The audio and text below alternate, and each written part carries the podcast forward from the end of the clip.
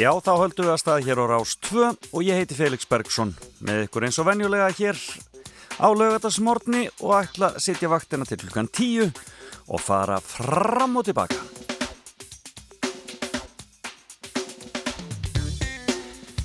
Já, hann, blí, hann blés aðeins og, uh, og ringdi aðeins á mig í morgun á hjólinu á leiðin í vinnuna en það var nú ekki svo slæmt. Það var gott að fá súrefni í lungun og uh, ég hvert fólk til útíver í dag sínist það bara, já, príðilegast að við svona yfirlegt á landinni. Ég vona það sem ég skusti þannig hjá ykkur.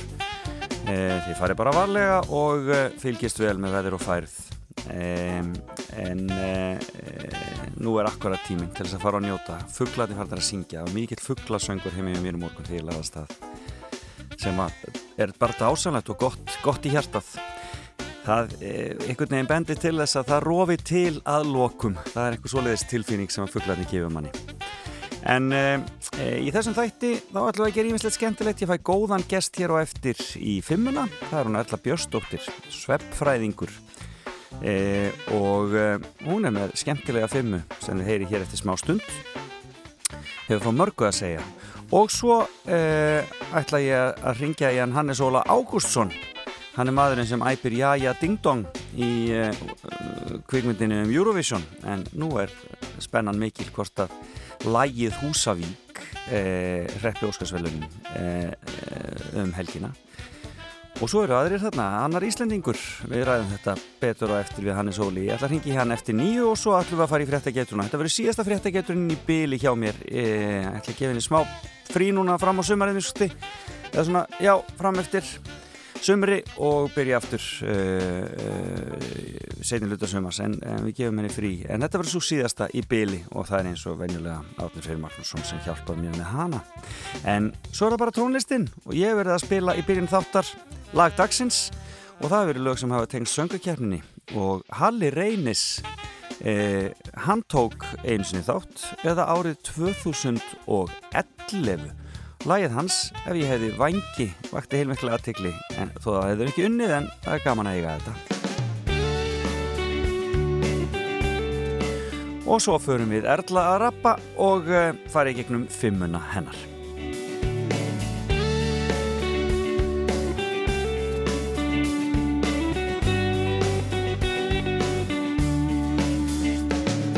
Þú ert farin en ég er hér Skuggi sem að líkist þér Er hér alla daga hverja nótt. Blóminn fölnuður ykkur hlið Enginn til að tala við. Ég heyri í þér samt er allt svo hljó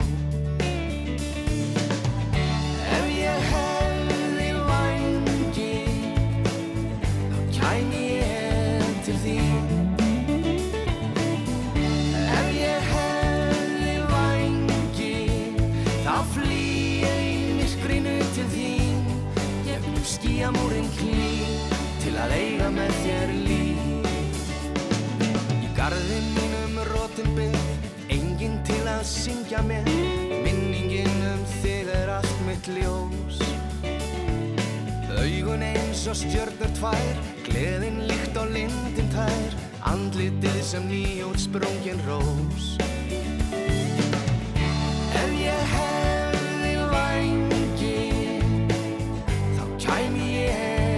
Í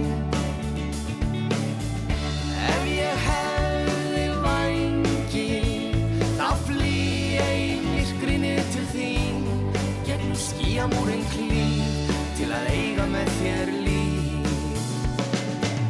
Allt í góða er í þér, allt það sem þú vildir mér, eins og verið hefði gær, draumurinn sem hjartað grær, er þokast aðeins nær og nær.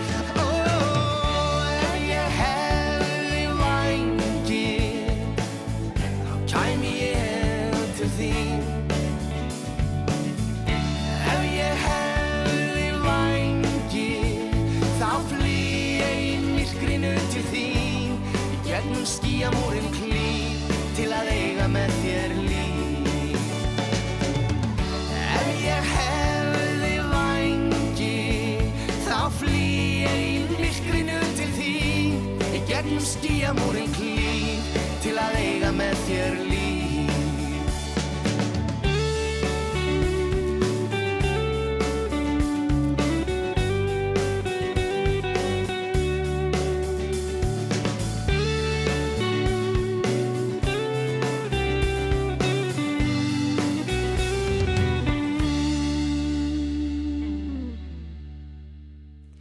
Já, þarna söng Haraldur Reynisson eða Halli Reynis ef ég hefði vangi og þetta er lag úr söngvakefninni eh, 2011 Halli tók þá þátt. Og eh, mikið verið að spila hann þessa dagana. Eh, fór allt á snemma. Blessaður, blessu sér minning hans. En þá er komið að gesti dagsins og eh, hún er sest hérna hjá mér. Erla Björnsdóttir. Já, á ég segja sveppráðgjafi, sveppfræðingur Já, bara hvort heldur sem er. Já, eða, eða, eða sálfræðingur eða líf uh, hvernig er þetta, líf og, og hérna? Já, sko ég er sálfræðingur og doktor í líf og læknavísindum. Líf og læknavísindum, mm. já þannig var það. Akkurat. En velkomin til mín. Takk.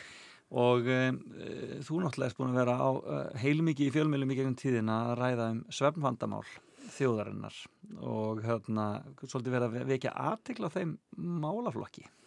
Er þetta eitthvað sem að svona hefur komið þér óvart hvað, hvað, hvað, hvað hefur ekki miklu aðtili?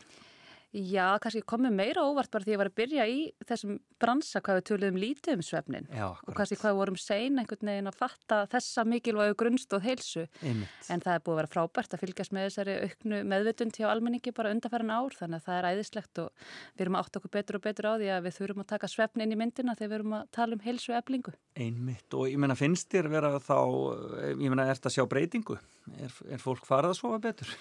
Já, það er svona spurning sko, tölurnar sem við eigum hérna á Íslandi, það er sína kannski ekki droslega mikla breytingu.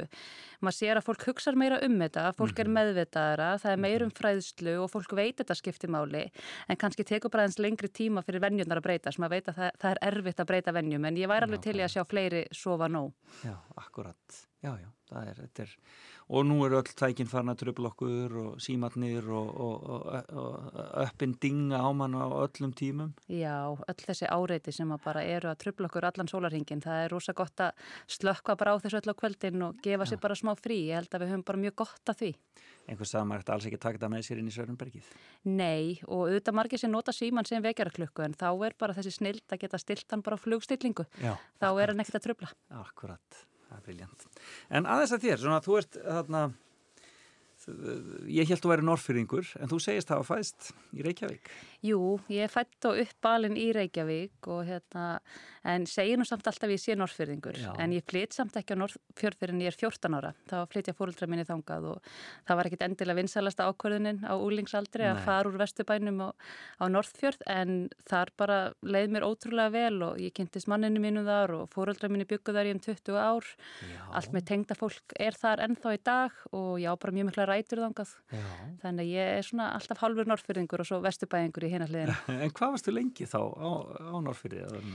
Ég var í raun og var ekkert lengi vegna þess að ég kláraði þarna bara efri bekki grunnskólans þar og svo fer ég mentaskólan á Akureyri og er á heimavist en fer auðvitað alltaf heim til mamma og pappa í öllum fríum og jól og sömur og svona en ég bjó í raun og ekkert lengi á norrfyrði En þú ákveður að fara á Akureyri? Ekki, ekki mentaskólan Reykjavík? Já, það var kannski bara því það var auðveldar út á heimavistinni, Já, þú veist, að því að ég þau byggu á Norrfyrði og það mm. var erfiðar að vera fyrir sunnan, það var engin heimavist þar en ég hugsa, ég hef þurrgla farið í MR ég hefði hérna, búið áfram í Vesturbænum og eldstistrákurum minn er í MR í dag Já. en MA var æðislegu tími bara eignaðist mínar bestu vinkonur þar og bara frábær skóli og hérna, dásamlegt að vera á Akureyri Dásamlegt. Heyrðu en áðurum við höldum lengra, þá er það Þetta er mjög skemmtilegt, þessa hef ég aldrei fengið áður. Nei, einmitt, ég var svolítið hugsið þegar þú hérna, sendið mér þessa fyrirspurn hvað ég ætti eiginlega að velja en, en sko ég hef alltaf haft rosan áhuga á málsáttum bara alveg frá því að lítil stelpa þú típað sem opnar páska ekki að byrja ekki súkulega heldur leita fyrsta málsættinu? Já, það er alveg þannig og mér finnst þetta alltaf gaman að hérna, hver far hvaða málsátt og ég samdi mína eigin málsátti því ég var lítil og svona og hérna og bara nota, ég er enda að fer oft rámt með málsætti sko, ég veit alveg hvað merkingin er en ég rugglast undir maður nákvæmlega hvernig rauðunan og orðanum kemur. Og maðurum minn gerur oft grína mér að ég nota málsætti alveg mikið í daglegu tali. Mér Já. finnst þeir bara að það er oft svo góð viska sem Já. að þeir fela í sér. Algjörlega, frábært. Og hver er fyrsti málsátturinn sem að Herðu, fyrsti málsátturinn var uh, af misjöfni þrýfa spörnin best. Já, það munnar ekki um það. Nei, hann er hérna Hann er auðvitað bara mjög góður og ég áta fjöguböld sjálf og, hérna, og ég held bara þetta sé svo margt satt í þessum orðum og ég held kannski ofta að okkur hætti til að ofvenda börnun okkar of Já. mikið. Mm -hmm.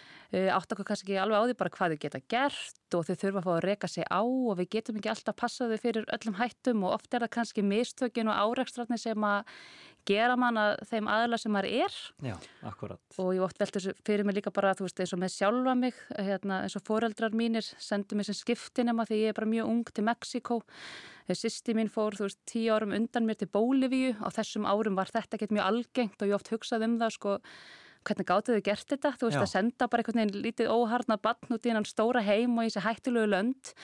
En það er akkurat þarna sem ég held ég hef lært bara minn mikilvægast að lært um í lífinu að bara hvað er sem skiptir máli og þannig lendur maður í erfiðum aðstæðum og áreiksturum og þarf að stóla á sjálfan sig og maður getur gert svo miklu meira heldur maður heldur. Já, og þannig ég held að þetta sé bara, við þurfum að muna þetta og hérna, við getum heldur ekki verið alltaf fullkominn sem foreldrar mér finnst það líka, veist, við erum bara mannleg og við erum breysk og hérna og börnin okkar þurfa bara að vita það og það er bara stundum bara hérna grillaða samlokur í matinn og ekki allt reynt heima og svona skiljiði þannig að það þarf ekki alltaf að vera fullkomið og ég held þessi fullkomnara árátta sem kannski er ofríkjandi, hún skapar streitu. Akkurat, innmitt.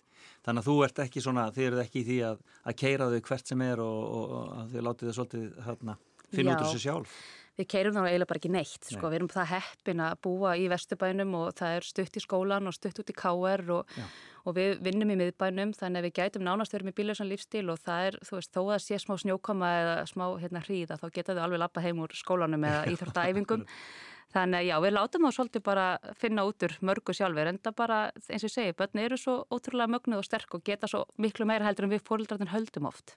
En þessi tími, sko, hvena varstu í, í, í þessu skiptinum að dæmi? Ég er 17 þegar ég fer út og hérna... Og hvernig var að vera í Bólivíu? Nei, ég var í Mexiko. Já. Sýstum ég var í Bólivíu, já. Það var bara ótrúlega mikill skóli. Ég kunni ekki orði í spænsku og ég fer hún að heimili það sem var ekki talað orði í ennsku þannig að það var bara fyrsti áreiksturinn. Það hérna, ég var svo lengi að reyna alltaf að finna út í hver þvóttavillin væri á heimilinu. Ég komið svo mikið að skýtu um þvótt og ég skildi þetta aldrei og það var ekki fyrir við þóðum þvottin. Það var bara svo leiðis. Það var bara svo leiðis og, hérna, og ég kem að inn á heimili þar sem eru þrýr bræður og einn sýstur og það var líka bara mjög mikið svona kynja meðsrétti.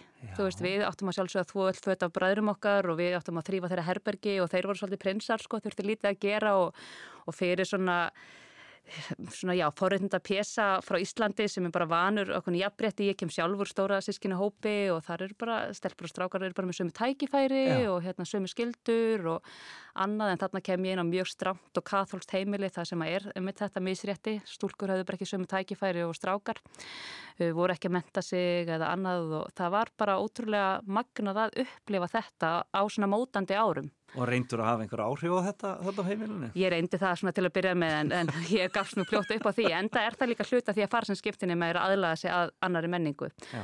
Og þetta var rosa trúi fjölskylda og það farið í messu hverjum sunnudegi sem var 2-3 klukkutímar.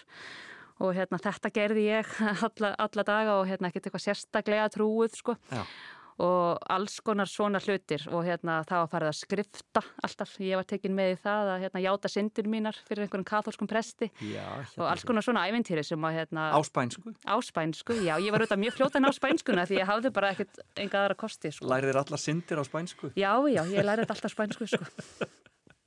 Já, það er almennilegt Já, það, það er óhætt að segja það að misjöfnu þrýfast börnin best, það er Já, algjörlega þannig Já, ég held að það sé náttúrulega nokkuð gott sko. Já, akkurat svo lengi sem það er.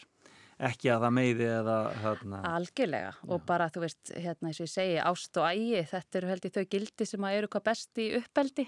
Og hérna við megum heldur ekki vera feimin við það að hafa aga á heimilinu og reglur Akkurat. og börn eða byrja virðingu fyrir fullornum og, og börn þurfa líka bara að ramma. Þau þurfa aga, það veitir þeim öryggi. Og hérna við megum heldur ekki vera og feimin sem foreldrar við það finnst Akkurat. mér Þannig að Þú átt mörg börn.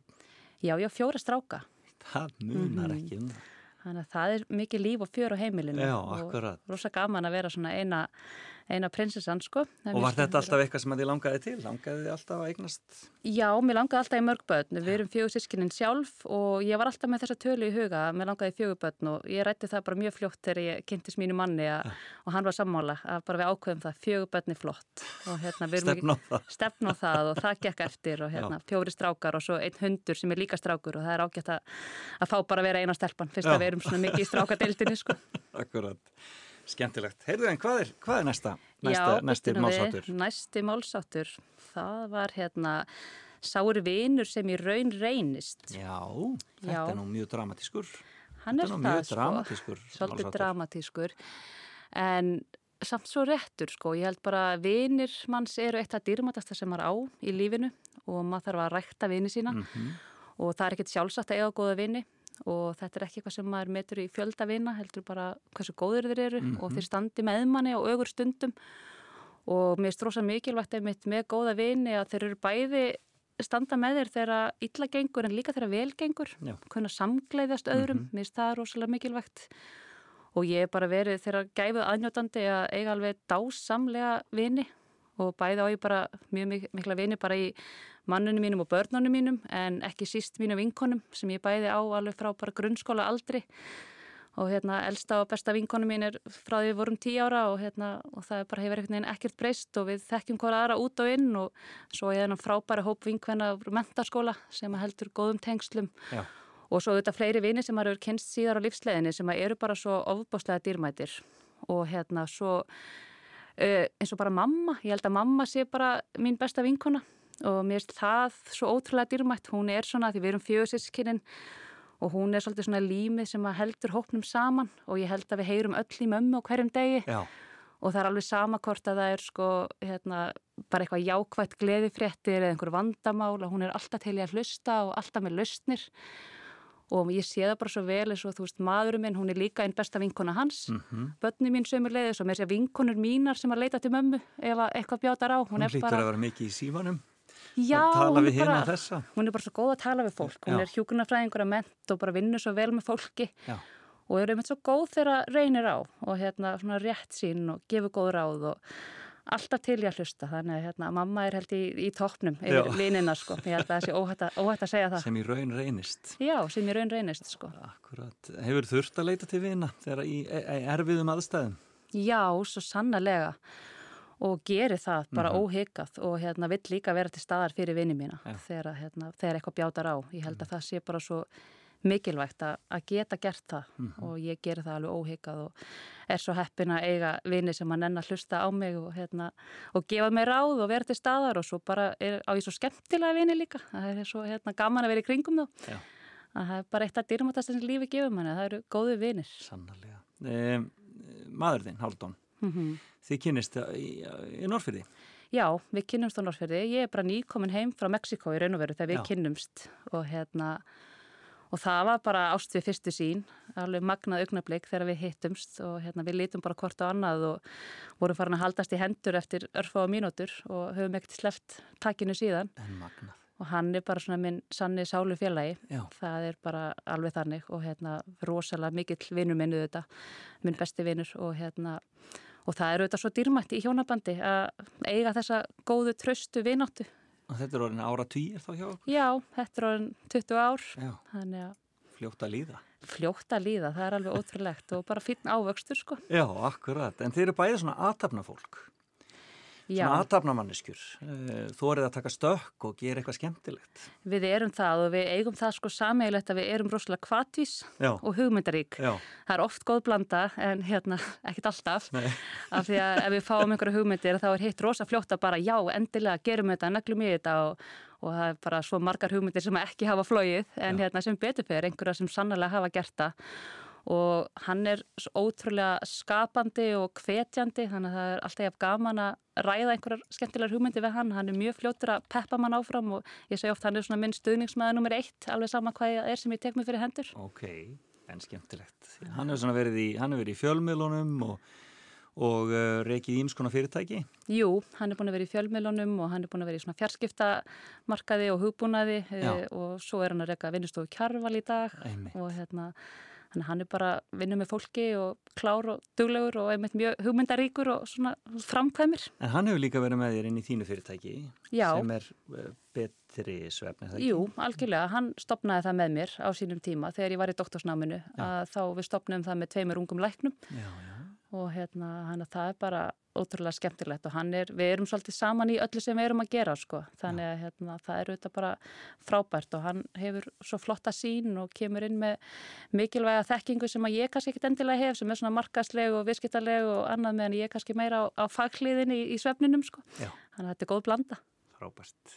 Heyrðu, litli tónlistamæðurinn, það er lag sem þú valdir með Björk að plötunni Gling Glow. Tengist það eitthvað þessum málsætti eða e, sá, sáur vinu sem í raun reynist? Eða, Já, þetta er kannski bara svolítið lag fyrir mömmu sko. Já. Af Því að ég hugsaði svo um mömmu þegar ég, hérna, þegar ég var að velja hennan málsátt og hérna, það er alltaf svo gott að koma til hennar og, og vera hjá henni þannig að ég held að þetta sé bara viðandi lag fyrir hana. Heyrðu, hér er litli tónlistamæðurinn fyrir mömmu. Mamma, ertu vakandi mamma mín?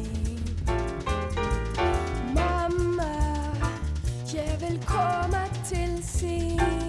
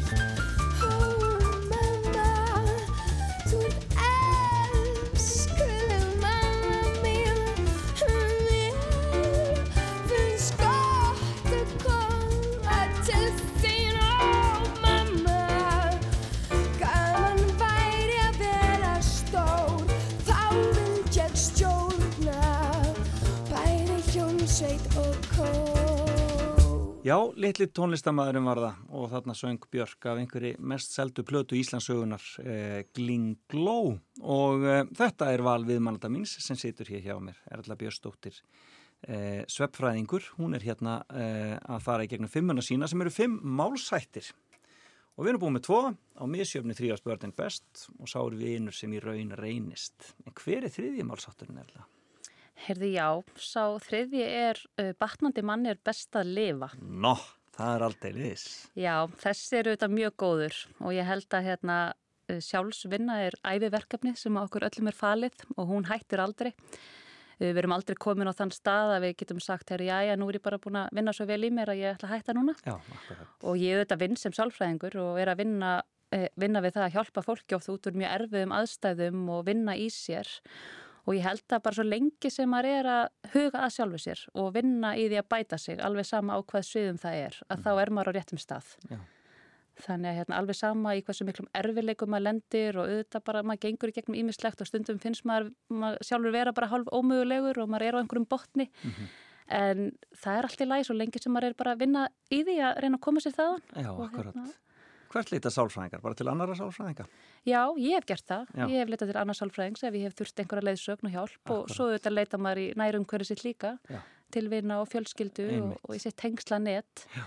og bara líta inn á við og vera hreinskilið með sjálfa sig og, og skoða sig og hérna að það er bara ótrúlega gefandi og skemmtilegt og eitthvað sem að kannski við gerum ekkert nógu mikið af, Nei, bara líka staldra við í hverstasleikanum og er ég sátt við þann stað sem ég er á, er ég sátt við það hvernig ég er að rekta sambönd mín við vini og fjölskyldu, er ég sátt við starfið mitt, er ég að gefa nú af mig til barnana minna, þarf ég að bæta mig á einhverju sviði? Og ég held að eins og ég sagði hérna kannski upp af við, það er ég held að svari við þessu sé aldrei nei.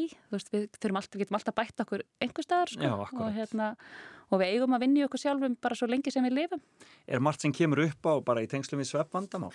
Um, svona, svona bara, svona bara hreinlega sálræn, sálræn, uh, sálræna krísur? Já, svo sannarlega og auðvitað náttúrulega fær maður oft bara til sín fólk sem leitar tíðin út af sveppvanda en svo kannski kemur í ljós að það er eitthvað miklu dýbra sem að býr þar að baki. Það getur verið hjónabandserfileikar eða andli veikindi eða eitthvað annað sem að kannski áföll sem ekki verið unnið úr eða annað sem að þarf að vinna með. Þannig að svefnin er bara þannig að hann tengir inn á nánast hvað sem er. Já. Þannig að sveppandi er mjög sjaldan einfaldur og hérna, það er svo oft svo margt sem býr að baki. Svo, þetta með svefnin er svona hluti af því að hversu mikilvægt er fyrir okkur að halda reglu, er það ekki? Sko, ég hef oft heilt eins og til dæmis í alkoholistafræðunum, stóra máli til þess að fólk geti haldið sér edru er kannski fyrst og fremst að byrja á því að setja lífsitt í, í einhverja reglu, Já. Ég held bara að regla og rútína heilt yfir sé bara hrosalega mikilvæg Já. og, hérna, og þegar kemur á svefninum þá er það bara líkilatriði og bara líka minn okkar, hann er bara þannig að hann virkar bestur í reglu. Ef við erum með regla á því hvernig við borðum, regla á því hvernig við sofum, reyfum okkur og annað, þá fer hann að vinna með okkur samkvæmt því. Já. Og þegar kemur á svefninum og þá er þetta það fyrsta sem maður kennir. Þú veist, það er regla og rútína og það er bara auðvitað mjög algengt að fólk er að sofa lítið á virkumdögum, ætla sér að vinna það upp með því að sofa rosalega mikið um helgar en svona öfgar eru meira til þess fallnar bara að búa til svefanda. Já. Þannig að það skilar því miður bara litlum árangri. Þannig að maður þarf svolítið að leggja áherslu á þetta og vera ekki að sofa fram til háttegis og um helgar og einhvern veginn geta svo ekki sopnað á sunnundaskvöldum og koma þreyttur inn í vikuna. Maður sér þetta mjög mikið. Og það fólk yfirferð þetta náttúrulega yfir á börnin sín náttúrulega líka þá þessa, þessa, Já, þessa hegðan eða þessa, þessa, þessa rútínu. algjörlega og börn þurfa þetta, þau hafa ennþá meira þörf fyrir reglu heldur en við og skýran ramma og svefnin þarf að vera í reglu og það er, börnum er engin greiði gerður með því að vaka eitthvað miklu lengur um helgar eða í fríum eða annað, þau sjálfnast launa það með því að sofa lengur í morgunin ef að fóreldrar að reyna að kaupa sér það, það er yfirleitt ekki þannig sem það virkar og svo bara er svona óregla, þetta bara skekkir líkamsklukkuna og bara eigur líkur á svefn vanda, þannig að það er bara best að hafa þetta í góðri rútinu.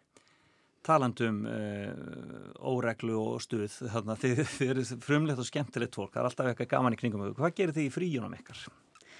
Það er náttúrulega bara alls konar. Uh, við- Farið austur náttúrulega? Við förum austur og reynum að gera það á hverju ári og við höfum þetta verið að ferðast mjög mikið um landi núna í þessu COVID ástandi sem er æðislegt, við bara elskum að ferðast og höfum verið mjög duglega að ferðast erlendis í gegnum árin. Og takið þá strákana með bara? Já, bæði með börnum og líka höfum verið duglega að fara tvö og ég hef oft sagt að þetta sé svona besta súrefni sem að hjónaband fær að fara stundum bara tvö í helgaferð og þurfa ekki að hugsa um neitt og elda mat og hérna Akkurat. vaska upp og allt þetta en við höfum verið rosalega duglega núna bara síðast ári að ferðast um landið og tókum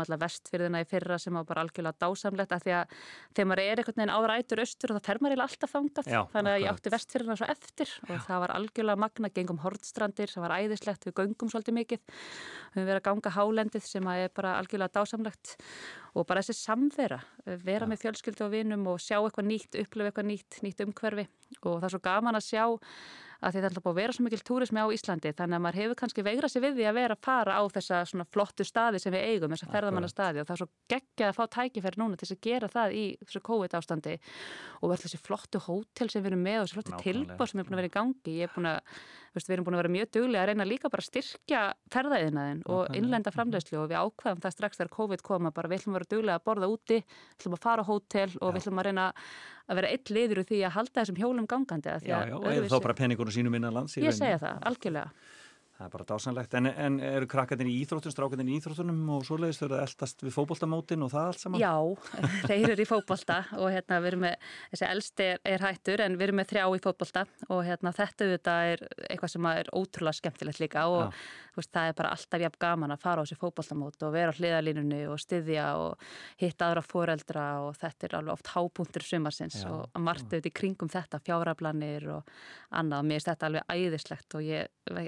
ekkert endilega séð mér sjálf með fyrir mér sem einhverjum svona fókbalta mömmu hérna áður fyrir að því að, og maðurinn minn líka, hann hefur aldrei haft neitt áhuga fókbalta, hann er okay. ekki svona kannski þessi típiski strákur, þú veist, og svo eigum við bara fjóra stráka Einmitt. og þá náttúrulega bara við erum að fylgjast með ennsku deildinni og mestaradeildinni og öllu hvað þetta heitir og hérna búa til stemmingu í kringum þetta og bara vera þáttakandi í áhuga málum barna sinna eru þetta svo ótrúlega mikilvægt. Skiptið miklu máli. Mm -hmm. Ég veit að Haldón hefur mikið verið í músik, hefur þú eitthvað komið í músik í gegn tíðina? Ég get nú ekki stert með á glæstum músikferli. Ég er hérna hlæra á píjánu sem barn og var látið gera það, taka tvö steg á píjánu en Já. ég hef, alveg agalegt tónera sko. Já. Ég bæði fölsk og laglaus sem er svona, veist, ekki endilega besta kombóið sko. Já. En ég sé að strákarnir mínir, sérstaklega hérna, þessi yngsti og, og næst elsti, að þeir hafa svona ert músikeni frá pappa sínum Já. og þessi yngsti er sífælt spiland á hljóðfæri og hann var hérna 7 ára á daginn og hann búin að tala um það alveg í 2 ára, hann dreymir um að eignast harmoniku og læra harmoniku, þannig að hann fekk harmoniku í 7 ára ammaliðskjöf og þvíli gleði en og hann, er, já, hann glamrar sífælt og þeir feðgar eru að brasast svona saman í þessu, þannig ég var ósað gaman að tónlist, ég elska hlusta góða tónlist og hlusta þá spila en því miður þá bara get ég ekki stert með að því sjálf sko að hafa þessa hæfileika. Nei, þú, þú, þið eru meira í læknisfræðinni þín fjölskylda. Við eru meira þar sko, Já, í akademíinu og, akademíinu og, svona, og hilsu, hilsufræðinni allir saman. Já, algjörlega. Skemmtilegt. Meirum þá eftir, en hver er fjörði málsátturinn? Herðu, já uh, fjörði málsátturinn uh, finnst mér ansið góður. Uh, Sígandi lukka er best. Já, akkurat. Og ég segi þetta bara rosalega oft og bara sjálfa mig og börnin mín og annað, ég held að við erum oft mikið að flýta okkur. Við viljum að hlutinni gerir strax og bara velgengnin komi 1, 2 og 3 en við þurfum bara að minna okkur á það við þurfum að hafa fyrir hlutum og það er gott að hafa fyrir hlutum. Já. og það sem við höfum fyrir við kunum oft bara miklu betur að meta það. Og ég held að sé bara gott að hlutinir gerist hægfara. Og stundum finnst mér svona í nútíma samfélagi er hún svo mikil hraðsuða. Þú veist, það er einhvern veginn bara gerist allt einhvern veginn overnight. Og ég held að sko svona velgengni sem að gerist á einum degi, hún er eiginlega ekki til. Nei, Þú veist, það býr alltaf eitthvað miklu, miklu meira baki. Nákvæmlega, nákvæmlega. Þannig að hérna, það er bara svo mikið sannlegskorn í þessu. Já, það þarf að vinna fyrir því. Það þarf að vinna fyrir því og það er svona jarðbindun manna. Þetta stundum auðvitað finnst mann um að vera ströggla og ekkit gerast og hlutinni gerast svo hægt. En það er bara best, það er best að hafa það þannig. Og ef maður bara staldra líka við og horfir aðeins í baksinni speilin og hugsa, þú veist okkur, hvar var ég fyrir fimm árum? Að þá sér maður hvað mikið hefur gerst. Þetta eru, mm eru hæg skref en, hérna, en þetta er samt að gerast. Þú ert að þokast í rétta átt Akkurat. og þetta er bara alveg sem ég sé með svefnin og í svefnmeðferð. Þú veist, þetta er líka þannig þar að þetta gerist hægt. Já. Þú veist, þú lagar ekki svefnvanda sem hefur verið til staðar í marga mánuð eða mörg ár á örfam dögum. Nei, nei, þetta tekur vikur og þetta kostar vinnu og, og maður þarf að vera tilbúin í það. Þannig að þar kemur líka þessi sígandi lukka sem held ég líka bara skilja árangri sem að er komin til að vera sko. Já, það er svona eins og allar lífstílsbreytinga bara í rauninni sko.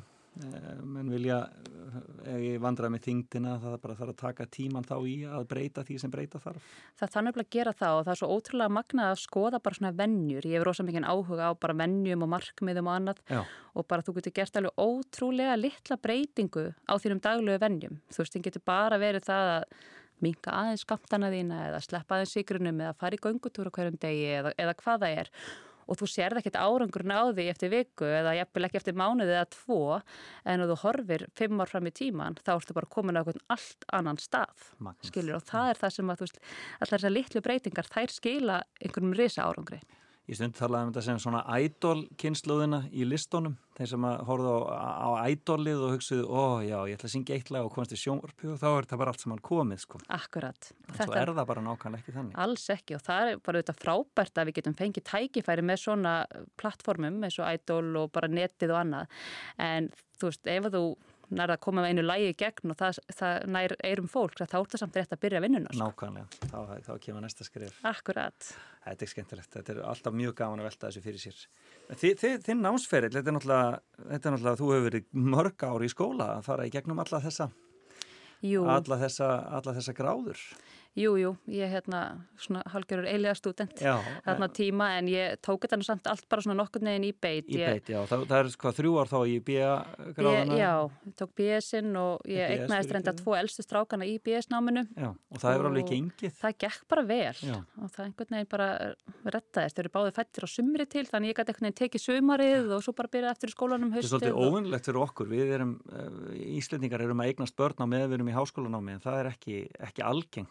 Annar staðar í rauninni. Nei, Nefna kannski Skandinavíu. og við erum heppin einhvern veginn að geta gert það. Það er Já. tekið tillit til þín Já. þegar þú ert með lítil börn og held ég ennþá meira í dag heldur en þegar ég var að þessu að því að nú komum meira bara um, þú veist, fyrirlestur á netinu og þú Já. getur synt mörgu heiman. En þetta gekk bara vel og svo fóru við til Danmörkur og vorum þar í tvö ár og þar tók ég kant signámi mitt. Já. Og erum þá með tvo elstu strákana og svo kem ég heim og þá er ég orðin ófrísk af þessum þriðja og þá ákvaði ég bara að byrja strax í doktorsnámi. Það er erfitt að ráða sér vinnu þú ert ófrísk en Einmitt. það er ekkert mál að byrja í doktorsnámi Já, skilur þannig að hérna, það hendaði bara rosalega vel og, Og svo- tókstu doktorinn þá hér heima eða hvað? Já, ég tók hann hérna heima við Læknandelt Háskóla Íslands uh, í samvinnu við Háskólan í Pennsylvania var með hérna nefndarmenn í minni doktorsnefnd þaðan og fór þangað út og hérna það var frábært að hafa þá tengingu. Já. Þannig að það var æðislegt og ég egnaðist yngstæði mitt bara, hann var pínulítill þegar ég var að verja rítgerna þannig að ég tók svolítið batnegnuna bara í þessar skólagöngu þannig að það er bara fínt að vera búið með það sko. En það þarf mikið skipulagi þetta. Já, það þarf skipulag og bara gott net Já, og hérna, þú veist, ég bara með frábæran maka sem alltaf 100% á móti mér og Akkurat. fóreldra og tengdafóreldra sem að alltaf verið til í að hlaupundi bakka og veist, þetta skiptir allt rosalega máli sko. Sannarlega. En þetta að fara inn í heilsu vísindin, sko, þú segir fóreldræðinu bæði fæðin, læknir og móðir er hjúknámsfræðingur. Mhm. Eru önnur sískinni eitthvað inn í þessum geirum? Nei, ég er eina sem valið mér þessa leið Já. og hérna ætlaði lengi vel í læknisfræði Já. og fór svo að hafa áhuga á sem sálranna þætti og held þá kannski að geðlækningar væru máli fyrir mig en svo fann ég að það var ekkit endilega veist, það er ekki þessi livja meðferð sem að heitlaði mig, þú veist, ég hef rosalega áhuga á fólki, ég er Já. mjög forvitin að eðlisfari, hef alltaf verið það. Og bara þegar ég einhvern veginn uppgötaði sálfræðina þá fann ég bara strax hvað ég var komin rosalega á rétta hillu. Og það var ekkert, ég vissi ekkert þá að ég ætlaði svefnin endilega. Nei, það er ekkert fyrir bara ég fer að spá í doktorsnám hvað ég ætla að gera. Og já. ég var í, þú veist, þegar ég tók starfsnámi mitt í mastersnáminu þá var ég inn í fangelsunum pældi verulega í því að taka doktorsnám á sviði réttasálfræði, það heitlaði mig lengi en hérna svo einhvern veginn bara eins og hlutinni gerast, að ég trúi svo á það bara hlutinni fara eins og er eiga að fara og það bara einhvern veginn kom þetta til mín með svefnin og það bara var svo sannarlega rétt hilla fyrir mig að því að á þessum tíma voru svo fáir sálfræðingar í rauninni að einbæta sér að þessu sviði og ef maður veltir því fyrir sér að þú veist svefnvandamál eru fyrsta bara mjög algeng og svo tengjast þau bara inn á öll andleg veikindi. Já. Ef þú ert að glýma við kvíða eða þunglindi að þá mjög oft er svefnin þar partur á vandanum Já. og áföll og annað þannig að það er bara svo gaman að sér af þessi í þessu og svo er svefnin svo spennandi að því að ég hef oft sagt að mist svefnin stundu verið eins og hafið, við vitum ímislegt um það en það er alveg meira sem við vitum ekki og við erum alltaf að læra eitthvað nýtt og, og það er það sem að gera þetta svo lifandi og skemmtilegt fag. Hvernig er með aðra skepnur? Sko, svo aðra skepnur svona eins og við? E, bara ákveð, ákveð marga tíma á nóttu? Já, það er mjög misjáft hversu lengi dýr Nei. sofa en, en það sofa allar lífverur Já. og, hérna, og mislengi. Gírafarnir, þeir sofa styrst held ég, var rúma tvo tíma á sólarring Já. og hérna, en það, so, það sofa allir og einhvern tíman heyrði ég það að manneskjan væri í raun og veru eina lífveran sem að sjálf viljug myndi svifta sér svefni. Já. Mér finnst það svolítið áhugavert Ó, já, já. að við svona einhvern veginn veljum það, heyrðu nei, ég ætla frekar að vakna kláðan 6 og færi ræktina og svo að tveim tímum stittra, skilur aðtilsest, aðra skepnur bara sofa eins lengi og Það þarf þurfa, bara, já, já. Eða eins og fólki á ströndum, ég kom einhvern veginn á strandur og spurði hvernig lífa er þarna, að maður bara sefur þegar maður er þreyttur og, og getur þegar maður er svangur. Algjörlega og þannig, maður finnur þetta svo vel þegar maður er í frí, ef maður, maður á svona gott frí þá er þetta nákvæmlega þannig. Og maður finnur líka oft, veist, ef maður hugsaður hversu mikið þarf ég raunverulega að sofa og hvernig henda mér að sopna og vakna, mér finnst ég oft finna það best þegar ég er í fríi. Að þú veist, ég bara, ég sopna yfirleitt, þú veist, ef við erum erlendis í einhverju góðu fríi, þá er ég að sopna kannski með eitt og vakna nýju, ná mínum átta tímum og þetta er bara svo taktur sem að líka með minn bara stilli sig inn á, en þetta er ekki taktur sem ég get verið inn á hérna, þú veist, það hendar ekki vinnunni og öðru. Þá þarfst að sofna 11 og Já, vakna sjö, já. Áhugavert. Heyrðu, hver er síðasti málsátturinn? Heyrðu, síðasti málsátturinn er góður líka, finnst mér. Það er bara þessi einfalda mantra að hérna, góð vísa er aldrei of oft kveðin. Og ég segi þetta náttúrulega mjög oft í tengslum við það sem ég er sífælt að tala um sem að er svefnin og það eru bara alls konar hlutir sem að manni finnst kannski að allir eigi að vita eða allir eigi að þekkja en hérna maður þarf bara að fá þessa áminningu. Já. og ég hugsaði stundum þegar ég er að halda fyrirlestra eða komið viðtöl bara, veist, er ég eins og riðgu plata, er ekki allir búin að heyra mig segja þetta hundra sinnum? En það er alltaf einhver nýra hlusta og þó það sé ekki einhver nýra hlusta bara maður veita bara sjálfur að maður þarf að heyra svona hluti og hérna, minna sig á það sem skiptir máli. En svo erst þú líka kannski að finna það aðeins meiri dýft eftir því sem þú vinnur meira og fer dýbra inn í málið. Þú er kannski að segja eitthvað aðeins meira. Já, já, já, já, algjörlega og bara eftir því við hvað hópa þú ert að tala. Hvort þú ert að tala við börn eða úlinga eða fólk sem vinur vaktir eða sjúklingahópa eða fagfólk eða hvar þú kemur. En ég held samt bara svona þessi, þessi svona gullnu gildi í lífinu að við heyrum þau aldrei of oft heldur og við þurfum bara að minna okkur á hlutina. Við þurfum að minna okkur á það að rækta fjölskyldun okkar og rækta vinn okkar og þakka fyrir það sem við eigum og sofa og borða vel og hreyfa okkur og þú veist, þetta er eitthvað sem bara, ég held að maður heyr aldrei of oft. Akkurat. Og þú ætlar að fara að, að predika við líðnum í november, er það ekki? Jú, Ha, við, það er mikil, mikil ástafna framöndan. já, það er ótrúlega gaman að fá hann hérna Matthew Walker sem að er bara, ég segi ofta að hann sé svona heimsmeistarinn í svefni Já, hann er, hann er meðsöluhöfundur á Íslandi Já. og, og í þeim heim. og bara víðum heim, hann gerir þessa bók þarna Why We Sleep sem að komum við út í íslenski þýðingu í fyrra, þess vegna sofum við og honum bara tókst svo ótrúlega vel að ná til fólks með þessi skilabóð og það er einmitt, þú veist, þá heyrði maður allt í hún að allir fannir að tala um það í kringum, hann heyrði já, já, sleppa koffin eftir tvö og, og maður hugsa, vá, er þetta ekki eitthvað sem við erum að tala um svo lengi? Já, en þarna náðu þetta í gegn. Og það er einmitt líka þessi skipti máli að þú getur verið að segja sömu tugguna aftur og aftur og aftur en hún næri ekkert endilega í gegn. En hann náði eirum fólks og hann náði líka til unga fólksins sem að skiptir svo miklu máli Já. að ungt fólk hafi áhuga því sem hann var að segja og hann er bara frábær fyrirlesari Og hann er sérst að koma. Hann er að koma og við ætlum að vera með stóra ráðstöfni í hörpu fyrir almenning og verðum líka bara með frábæra innlenda fyrirlesara sem munum fara en sé við bara hvernig staðan á Íslandi og með sérstakann fókus á börn og úlinga. Ég ætla að vera með fókus á konur, Ok. konur og svepp, breytingaskeið, meðganga og fleira og hérna og svo verður frábær fyrirlesari líka frá hún Erna Sif sem ætlar að tala svolítið um sifju og kæfisvepp þannig að það verður svona eitthvað eitthva fyrir alla þarna. En magnað. Og, uh, þarna, og það eru náttúrulega mikla svepp rannsóknir á Íslandi. Það eru, sérstök fyrirtæki í því, er það ekki hér? Jú, við erum auðvitað með Nox Medical sem er frábært fyrirtæki og leiðandi á heimsvísu í svona mælibúnaði sem er að mæla svefni á fólki og síðan erum við með í háskólum í Reykjavík mjög upplugt starf, það er komið sérstætt svefnsetur Já, vá. sem er að rannsaka svefn og við hefum með flott fagfólk og landspítala líka sem er að sinna svefnrannsóknum Já. og Íslendingar eru bara mjög framalega heimsvísu í svefnrannsóknum og bara við erum að byrta rosalega flottar vísindagreinar í mjög flottum læknatímaritum og eins og segi, við erum bara með fremstu þjóðum þarna, þannig að það er náttúrulega bara alveg magna með hvað við erum lítill. En allar að taka sumafrí áður en það verður?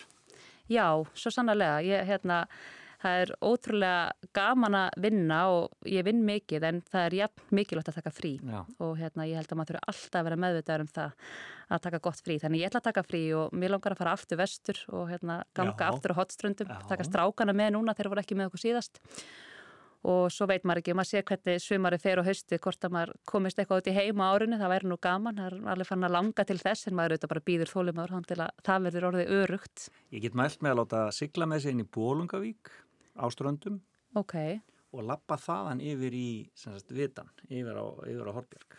já, það, er hljómar. svona, það er svona 8 til 10 tíma ganga, ok, ekki svo erfið, akkurat fyrir að til að taka krakkana með. Ok, frábært, það hljómar mjög vel. Við tókum strákana með okkur, við gengum í laugavegin í fyrra Já, og tókum þá með okkur og það gekk svo ljómandi vel að hérna, þeir smituðust þessari göngubakteríu. Brilliant. og ég elska svona fjölskyldusport og göngur eru þannig svo sannarlega. Þannig að ég ætla að ganga vel í sumar. Æði skengið, en þið farið og haldið upp á brúkasamælið um Vestlunum helgina?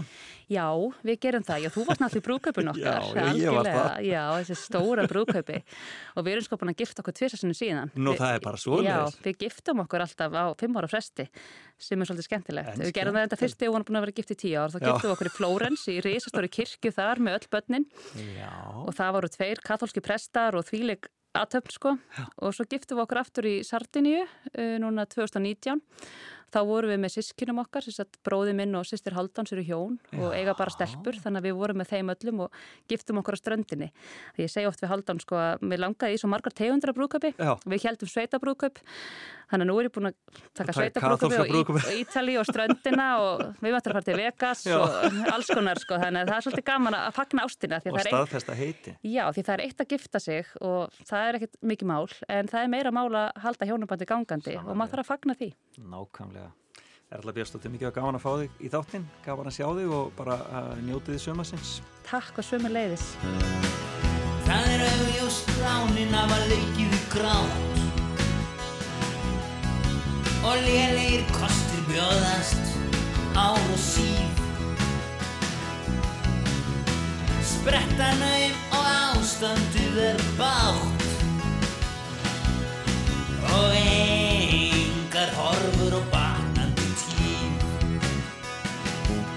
og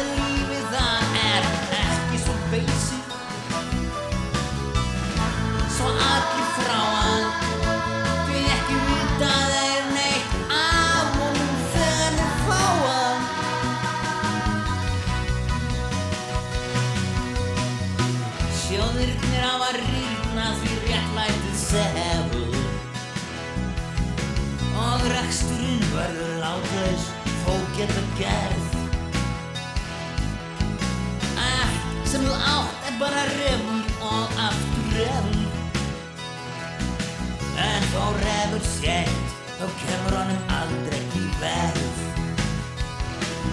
Og það er aðeins ein leið Já, og Erla Björnstóttir kláraði þetta með að bjóða ykkur upp á þetta lag. Þetta er Megas og lag sem heitir auðvitað Svefn er allt sem þarf og um, þetta lag er af plötunni uh, Hættuleg hljómsveit og glæpakendið Stella frá 1990. Frábært að fá Erlu Björnstóttir hér í heimsókn í fimmuna í fram og tilbaka.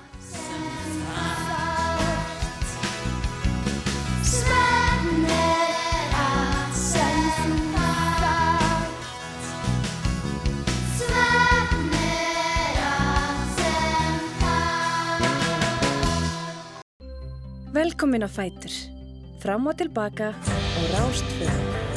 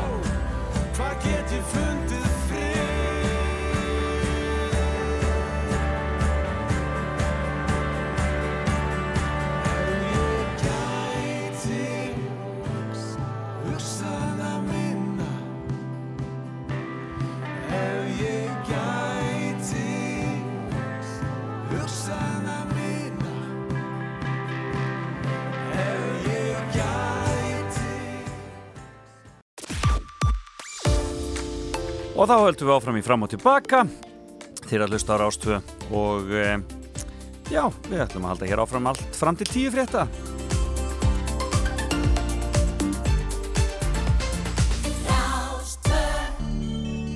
Og hver er betur en Bubbi til að koma okkur inn á tíunda tíman? Þetta er náttúrulega gargandi snild og gamalt og gott, aldrei fór ég suður. Vakna oftast þreyttur Varla með sjálfum mér. En ég veit að er til annan líf En það sem ég lifi hér. Og þrá mín hún vakir Meðan þokan byrgir mér sín. Mér vistir í eitthvað annað En góðan á og tjekka og vín Á fisknum lifir þorpið, þorskurinn er fólkinu allt. Það þrælar alla vikuna, vaðandi slór og salt. Við væri bandið standa menn, en þeir finna þar enga ró. Flestir þeir ungu komnir söður, þar sem af draumanum er nóg.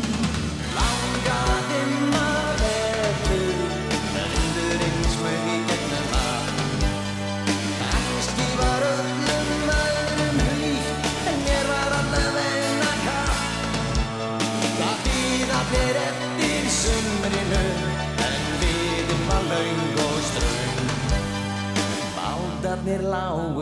mér við kæjan Í kynungunum söng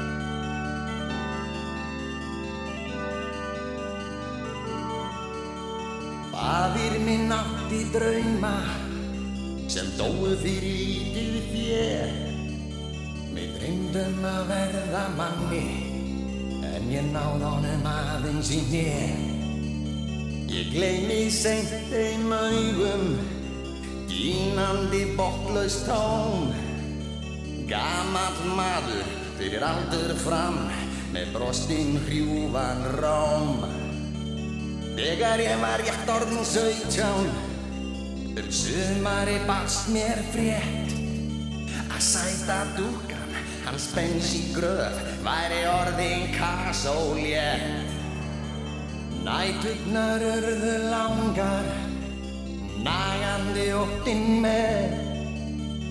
Neldur ég gat ekki tekið tilbaka það sem hafði skér Langaði maður betur. Vindurinn smög í gegnum það Kannski var öllum öðrum hlýtt En mér var allavegna katt Það býð allir eftir sumrinu En lífið var laung og strönd Bátarnir lágu tómir við kæjan Í kynungunum sönd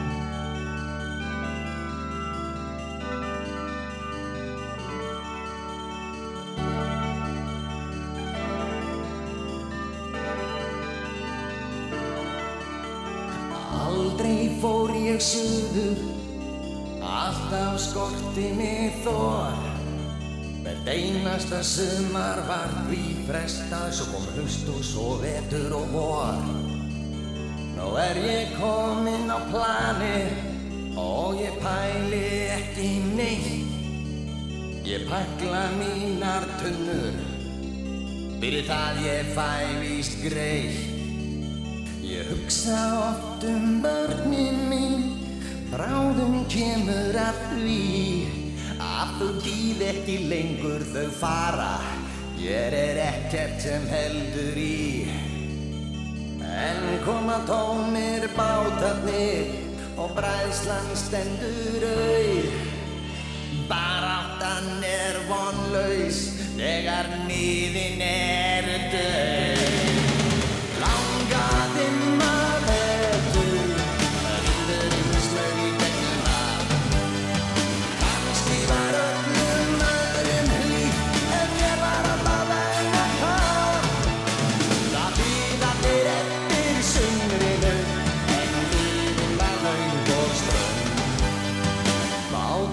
Lágu tómir við kæjan Í kynungunum sönd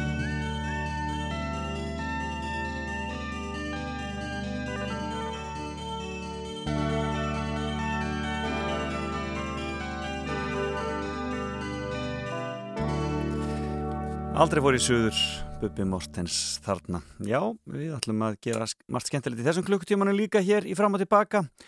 Eh, ætlum að ringa hér eftir smá stund í hann. Hannes Óla Ágústsson eh, eh, leikara, en nú er spurning hvort að Húsavík verður aðalmálið á Óskarsvæluna hátíðinni í dag. Húsvíkingar spenntur og búin að ná alveg ótrúlega mikill kynningu í, það, í, þess, í þessari viku og undarförnum vikum í kringum þetta lag.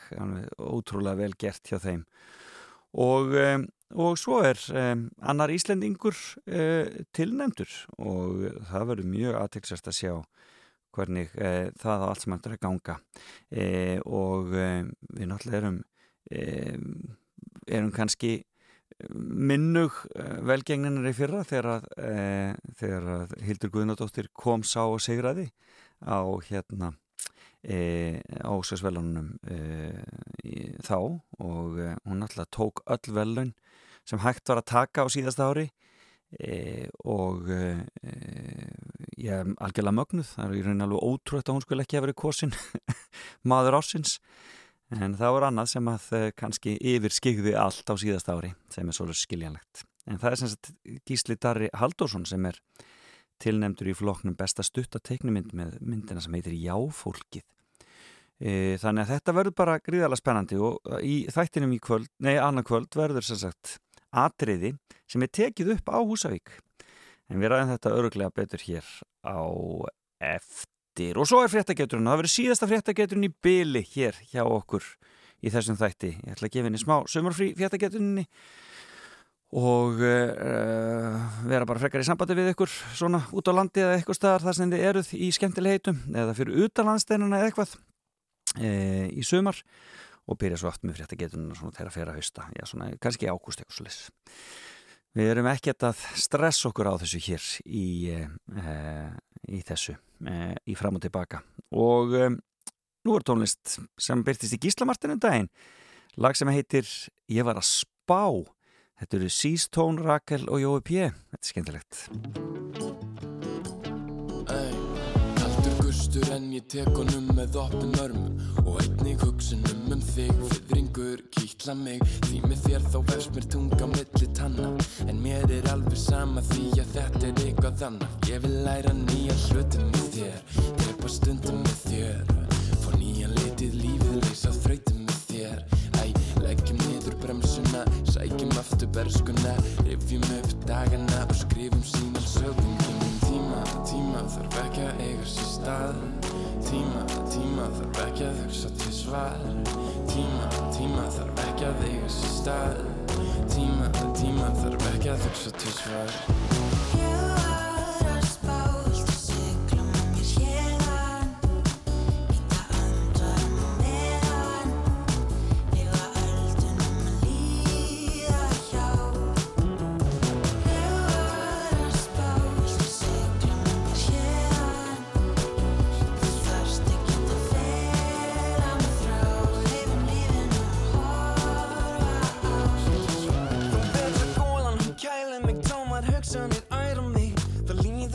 okkar fjandi vel. Miða við og standi Leggjum lífið á bekkin og setjum heilan í hlekki. Að gera mýflugur úlvandi það er það sem ég þekki. Og þó að kom ekki sólinn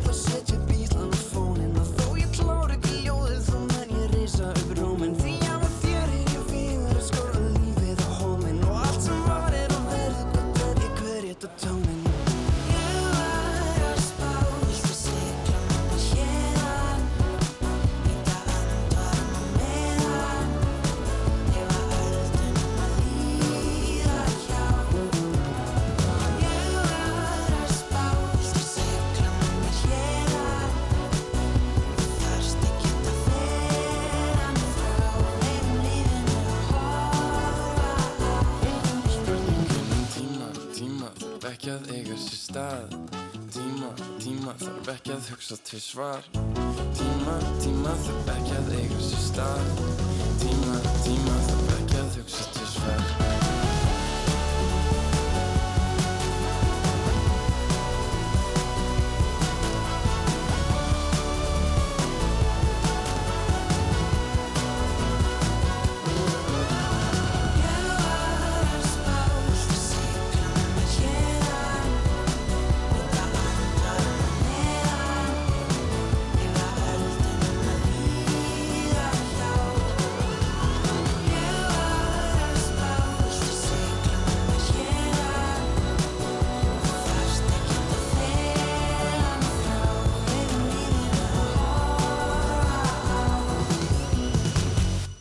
Kúrðu bara áfram og hlustaðu á fram og tilbaka á Rás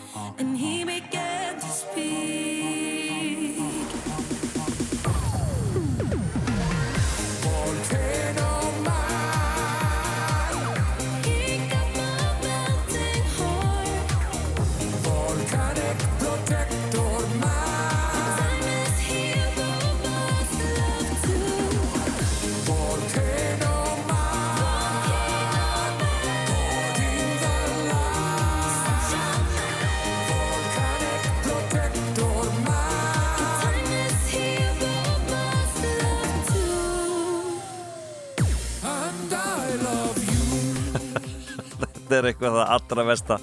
Þetta er Volcano Man úr kvikmyndinni Eurovision The Story of Fire Saga sem var frumsynd á síðast ári og eh, gerir stólpagrín á okkur Íslandingum og öllum þeim sem hafa áhuga á Eurovision.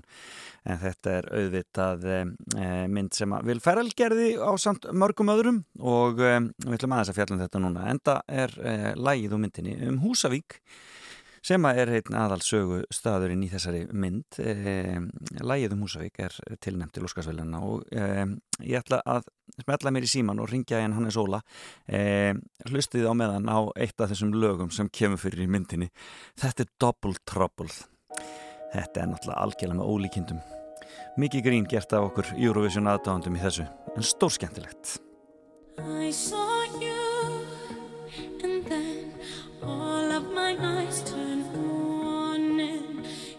turned round, and I suddenly found my glory. Sometimes I pinch myself, cause I don't know. Am I dreaming now? I wanna stop the clocks and hold you close, but I don't know how.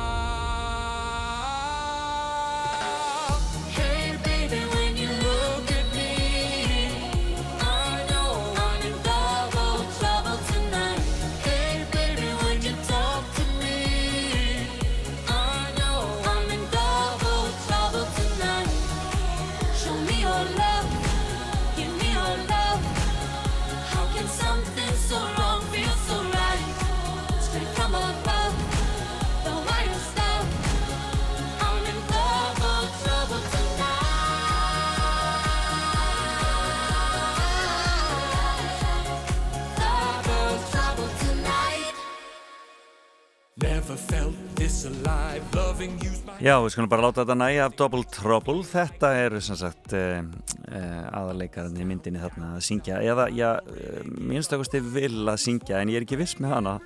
En uh, í símanum er hann Hannes Óli Ágústsson uh, sem að eh, vakti gríðarlega aðtegli þessari mynd, sérstaklega fyrir Open sín, Play Jaja Ding Dong. Hannes Óli, blessaður og sæll.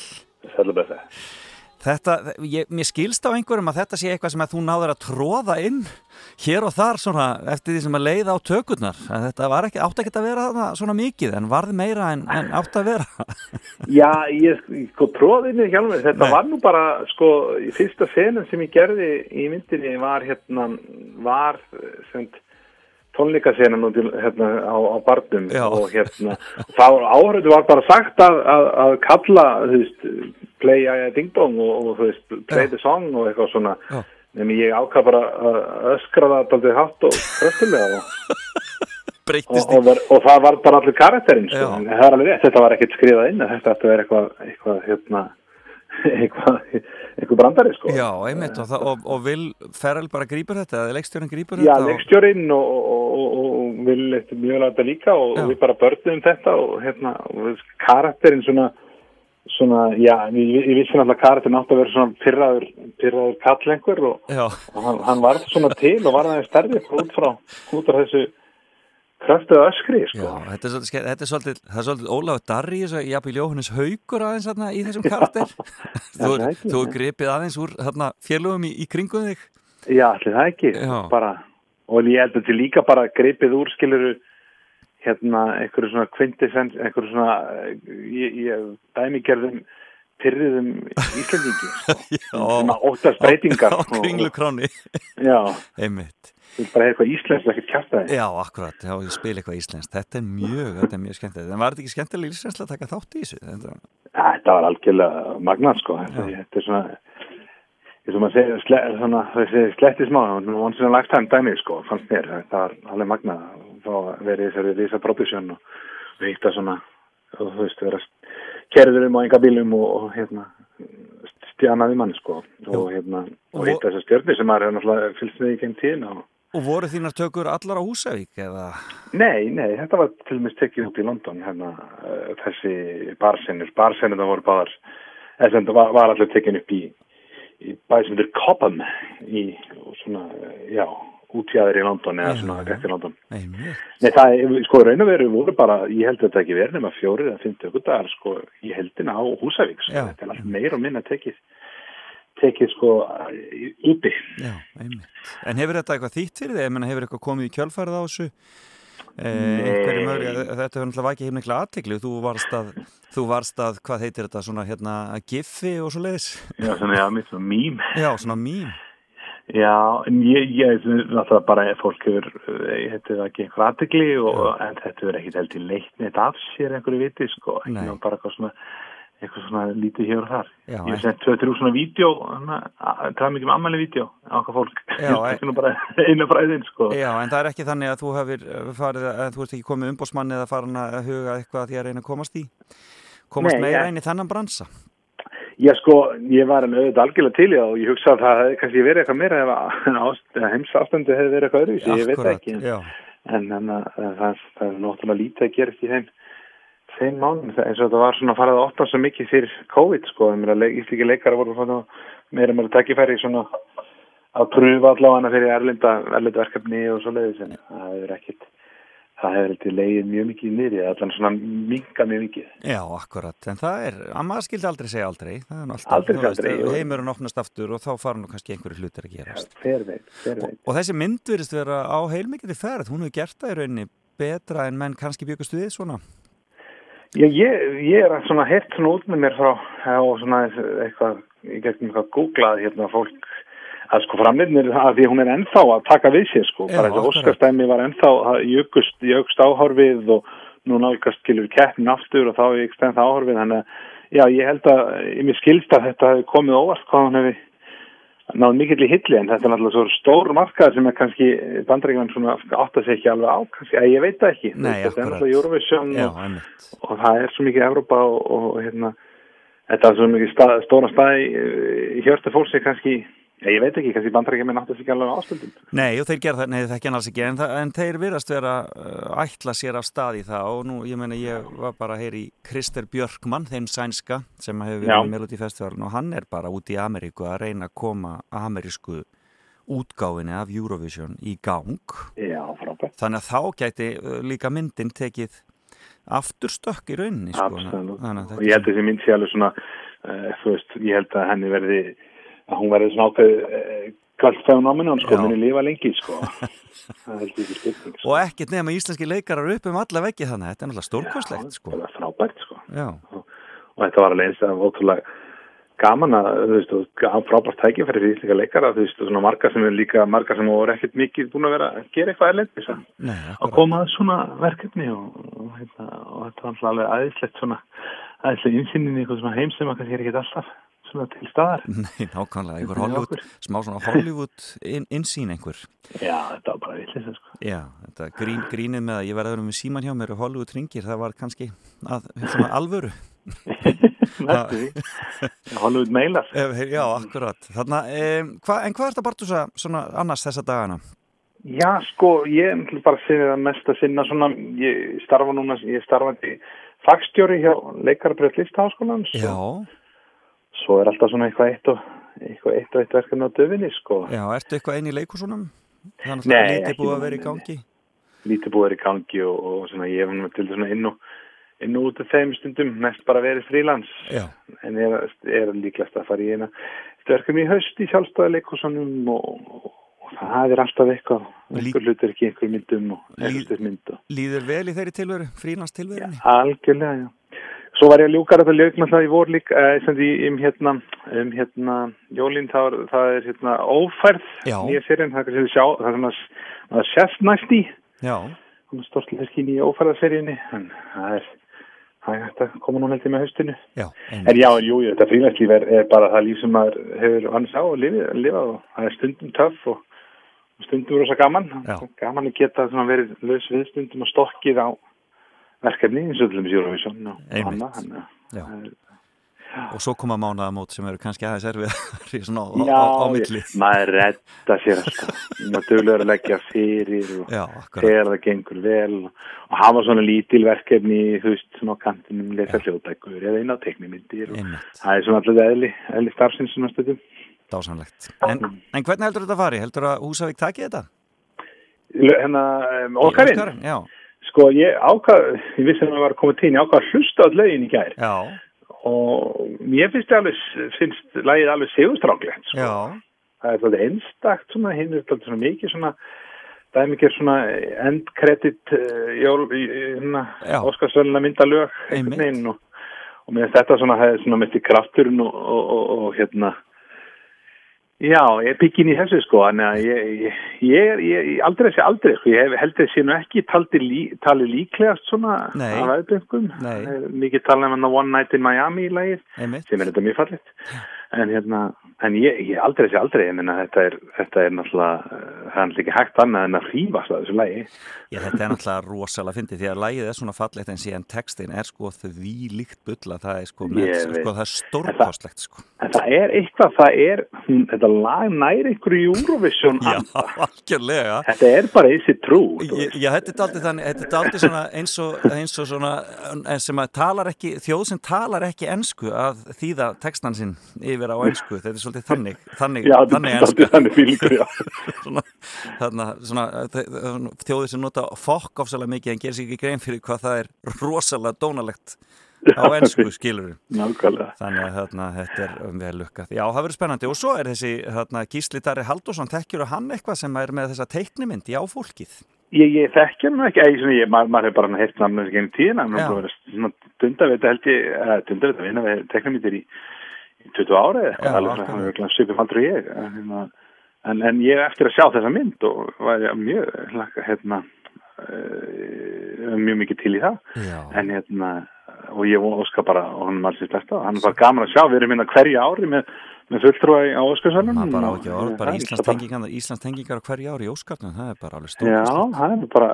meira en að segja það, sko. það er svo sannarlega meira en að segja og um, Hildur Guðnaði fyrra náttúrulega braut blað þegar sem verandi fyrsta konan. Já, já sem algjörlega. þetta einn þannig að það var alveg ótrúlega flottur á Heyrðu, það er gaman að þessu, við fylgjumst spennt með og ég fylgjast spennt með að heyra og sjá hvað kemur meira frá þér Hannes Óli í framtíðinni, það er bara alltaf, alltaf gaman að sjá þig á sviði eða, eða í, í, í, á, á hvítatjaldinu. Takk fyrir það, viljum sem leiðis. Kæra þakki fyrir spjallið. Takk, takk. Já, bless, bless. Og við skulum heyra lægið fræga. Húsavík, My Hometown. Hér syngur My Marianne og Will Ferrell Molly Sanden held ég hún heiti réttu nafni.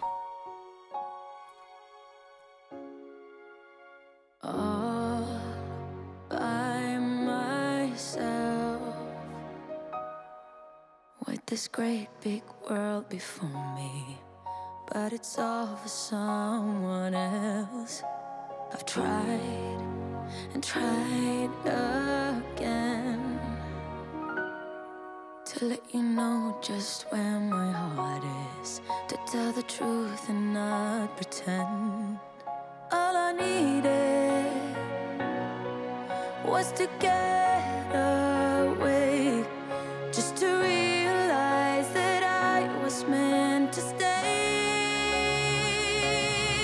Where the mountains sing through the screams of seagulls, where the whales can't live because they're gentle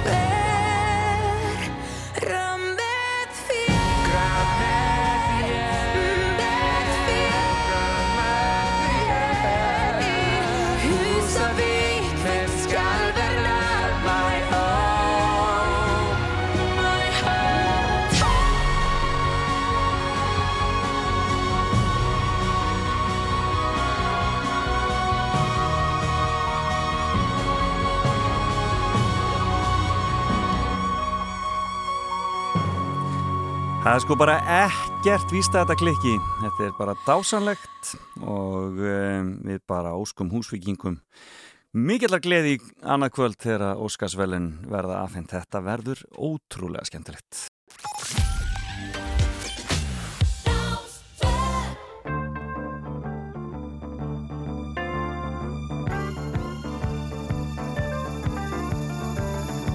I'm shouting all about they cheated you like a dog, and you were the one who had made it so clear all those years ago. Talking all about how to give, they don't act with much honesty,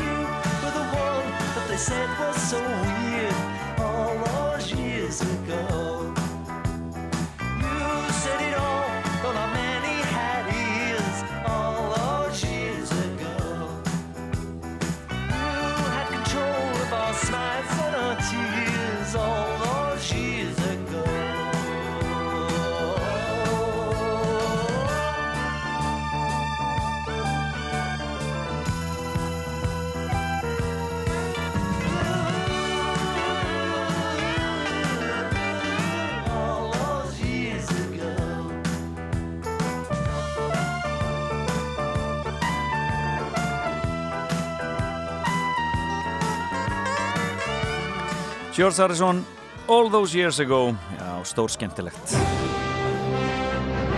Og þá er fréttastefið okkar komið að stað og þið meði byrja að ringja 5687123 5687123 Síðasta fréttageturinn í byli fyrir sumarfrí.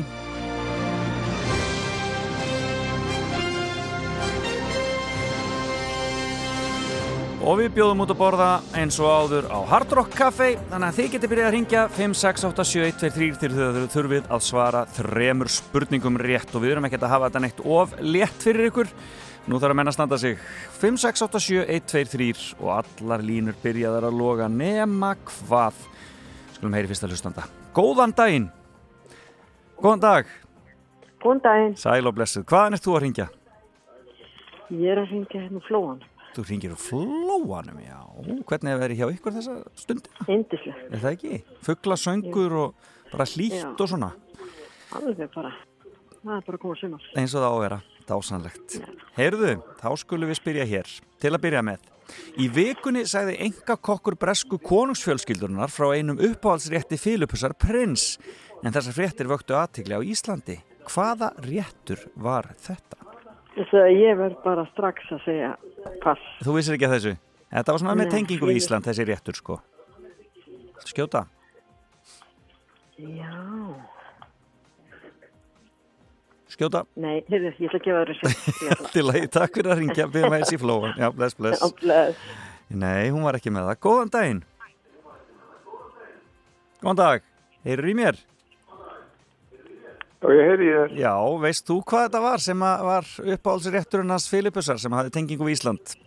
Nei, ég mista þessari fyrir. Þú mistir að þessari? Já, það var leitt. Heyrðu, þú reynir aftur. Já, takk. Takk við ábless. Hann mista þessari, við skulum neyti heyri næsta. Góðan daginn. Góðan dag. Góðan dag. Veist þú hvaða réttur þetta var? Það eru pannugugur. Það voru pönnukökur. Rammíslenskar.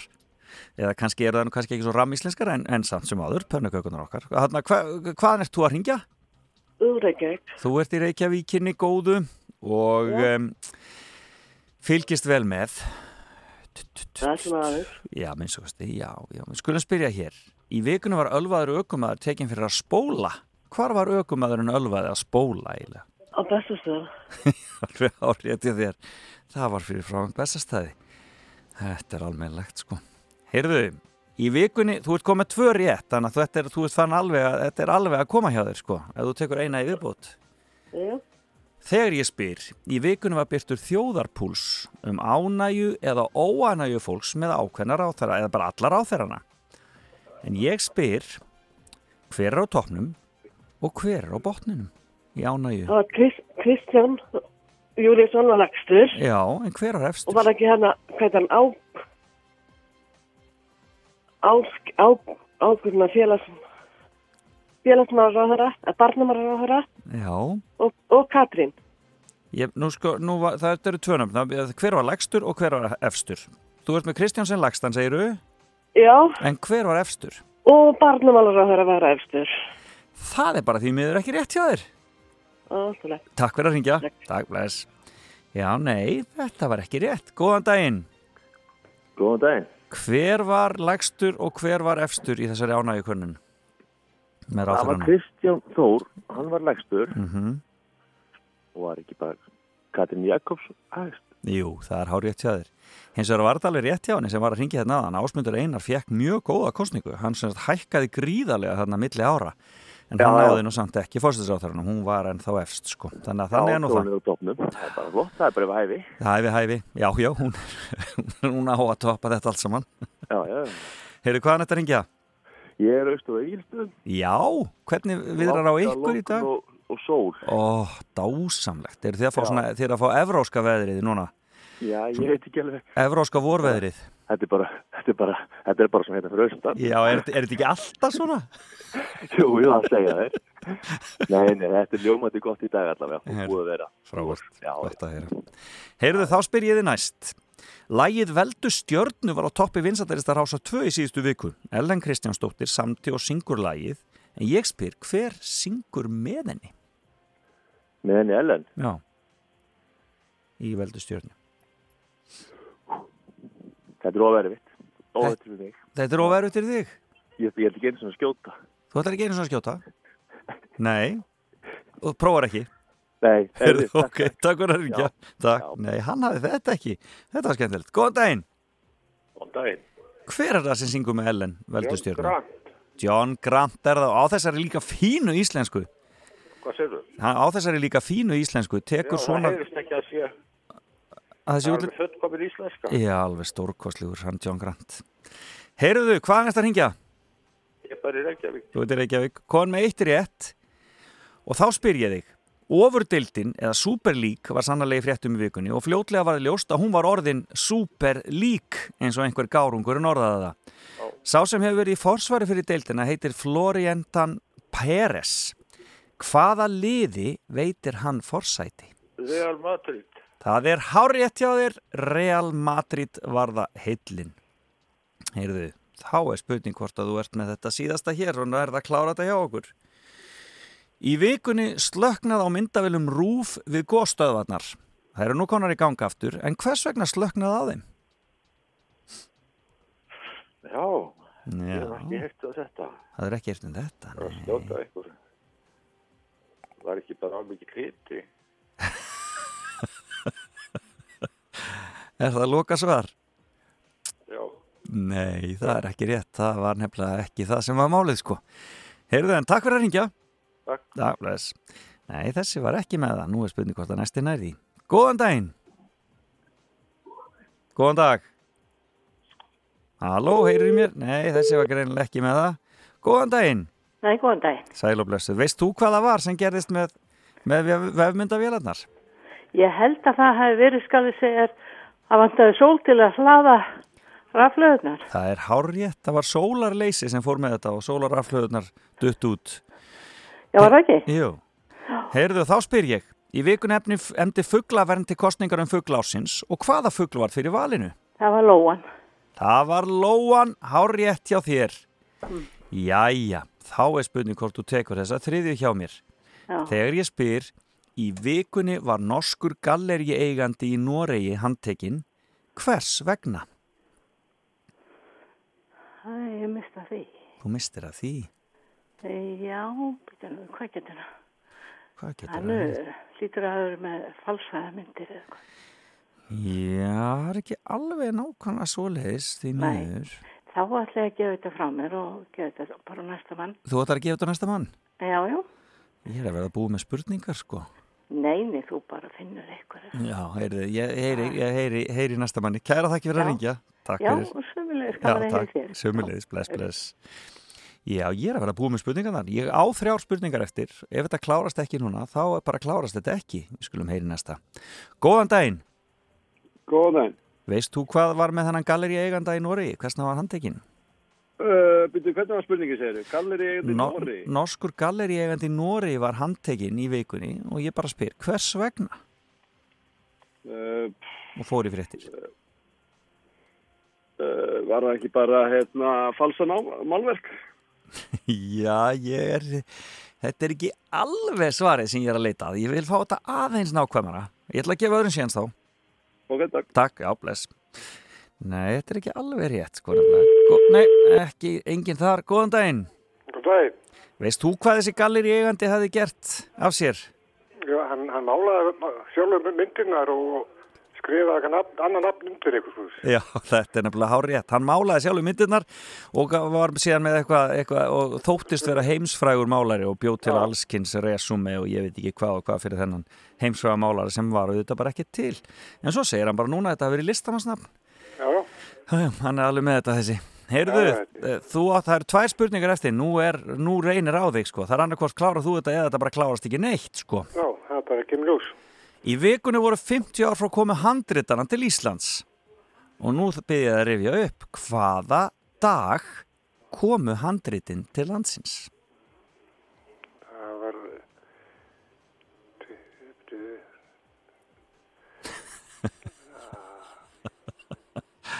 Já. Í dag er 24. apríl. Það verið 25. Hvað segir þú, 20 og... Nei, 20... Annar, 20. Já, hvað, er loka svar? 22. apríl. Það er ekki rétt. Það var 21. 21. ok. Já, svona er þetta. Heyrðu, kæra þakki fyrir að ringja. Takk.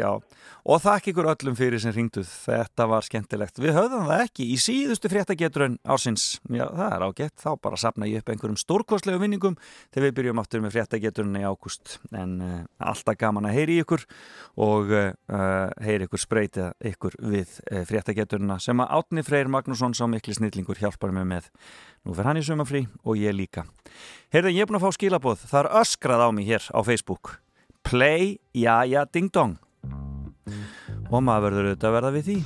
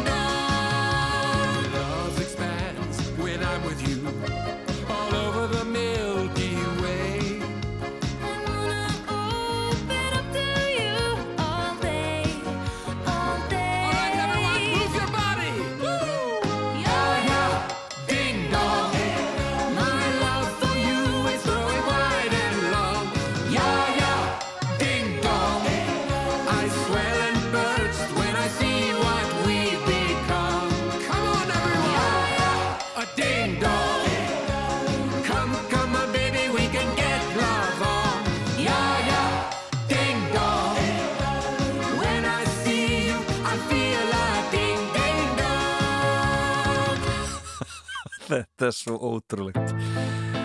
Og nú er akkurat helginn til að draga Eurovision myndin aftur fram og rivja þetta upp. Og svo bara sitjum við spennt við og horfum á rúf annarkvöld þegar að vera bein útsending frá Óskarnum. Kær hvaðið að norður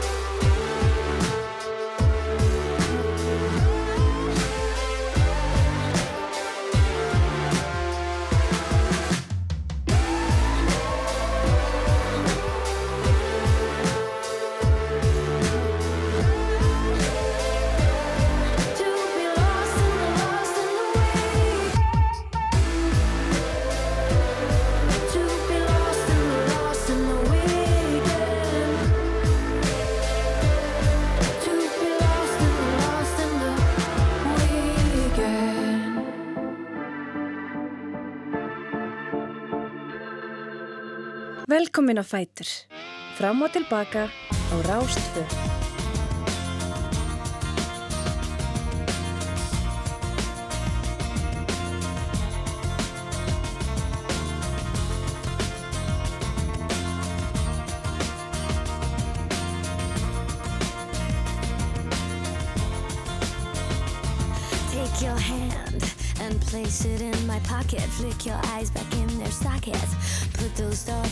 sometimes I'm much too loud. I'll take a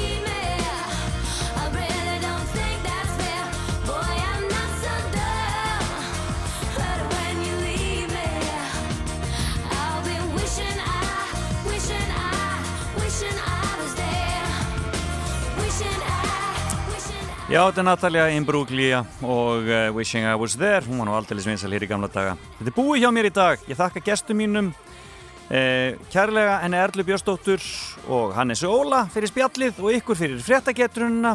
Heyrumst aftur eftir viku, Salka Sól tekur hér við og skemmtilegt að skrára ástöðu. Já, ég minni svo á að það er plokkdagurinn í dag, þannig að allir eiga að fara út að plokka stóra málið, hlýðum því og hjálpum til við að gera fallet í kringum okkur. En takk fyrir daginn í dag, heyrumst aftur eftir viku, bless bless.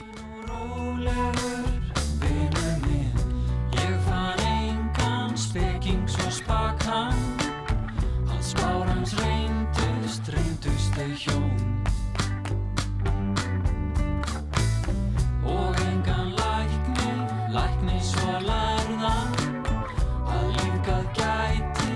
vissnuð blóð